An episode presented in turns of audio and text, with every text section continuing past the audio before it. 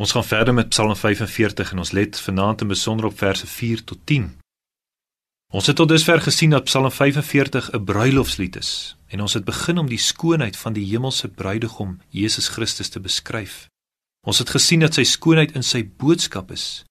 Met skone woorde, met mooi woorde het hierdie bruidegom gekom om sy bruid te kom haal.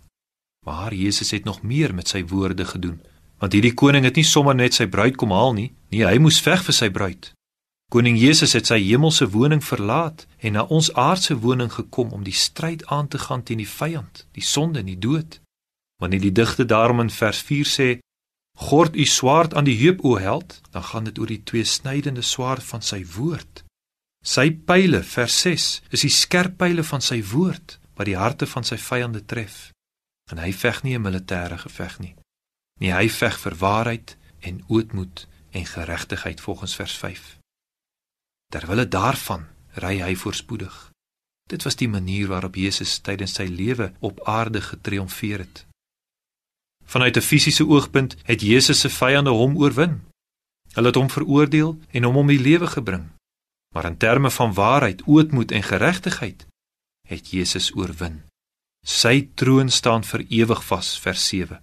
En hy bly voortgaan om goddeloosheid uit te roei en geregtigheid te laat seëvier, vers 8. Sy ryk is een waarin waarheid, ootmoed en geregtigheid heers. En omdat hy oorwin het, daarom mag hy nou trou met die bruid wat hy verwerf het in die stryd. 'n Bruid gebore uit die woord. Met sy skone woorde, sy woorde van lewe het haar liefde gewen en sy dood aan die kruis was die bruidsprys wat hy vir haar betaal het. Meer nog, sy dood het selfs sy trouklere geword. Soos wat 'n bruidegom op sy troudag 'n netjiese pak klere aantrek, het Jesus as dit ware sy dood aangetrek sodat sy bruid kan sien wat hy vir haar gedoen het. Wanneer die digter van Psalm 45 daarom in vers 9 sê: Al u klere is mirre en alweë en kassie, dan hoor ons daarin presies wat Nikodemus met Jesus se dooie liggaam kom doen het. Hy het dit gebalsem met 'n mengsel van mirre en alweë volgens Johannes 19. Jesus het homself geklee met die tekens van sy lyding sodat die bruid kan sien so lief het hy my.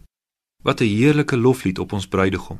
Nie deur krag of deur geweld nie, maar deur sy gees en sy woord het hy gekom om sy vyande te oorwin, om sy troon vir ewig te bevestig en om sy bruid te kom haal.